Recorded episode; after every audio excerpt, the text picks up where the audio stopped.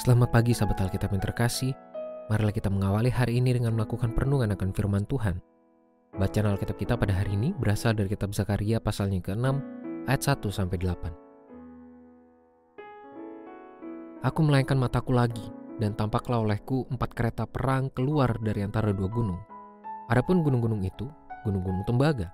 Kereta pertama ditarik oleh kuda-kuda merah, kereta kedua oleh kuda-kuda hitam, kereta ketiga oleh kuda-kuda putih, dan kereta keempat oleh kuda-kuda yang bertutul-tutul.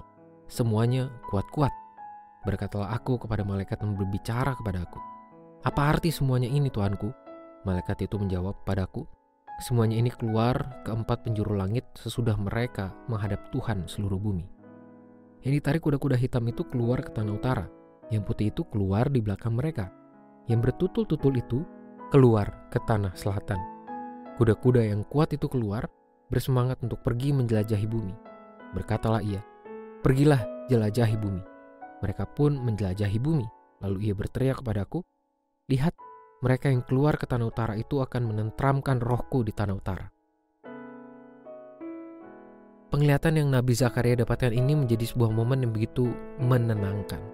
Khususnya bagi umat Israel yang sudah mendambakan hadirnya pembebasan dari Tuhan. Kemunculan kereta-kereta kuda merupakan perlambangan atas kesiapsediaan para tentara dari Tuhan untuk menyelamatkan mereka. Hal ini sesuai dengan pemahaman kultur pada masa itu yang memandang kuda sebagai simbol dari kekuatan maupun kekuasaan.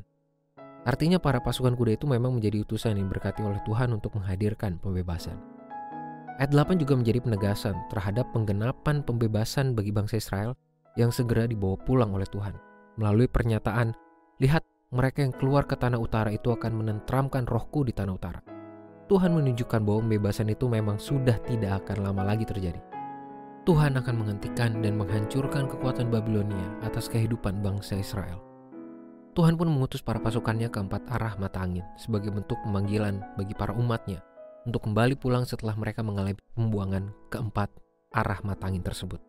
Penglihatan ini sekaligus telah menunjukkan bahwa penggenapan pembebasan dari Tuhan tidak hanya tertuju untuk sebagian orang Israel, melainkan untuk seluruh individu di segala tempat. Tidak ada satu orang pun yang dibiarkan luput dari aksi penyelamatan Tuhan tersebut. Sahabat Alkitab, firman ini perlu kita maknai sebagai bahan baku untuk menolong kita bersyukur atas setiap pekerjaan Tuhan dalam kehidupan ini. Kita perlu menyadari bahwa Tuhan selalu bertindak penuh rencana, totalitas, dan aksi yang nyata untuk menghadirkan dampak penyelamatan bagi seluruh umatnya. Tuhan tidak membiarkan ada satu individu pun yang terluput maupun terhalang oleh berbagai situasi hidup yang tidak menyenangkan.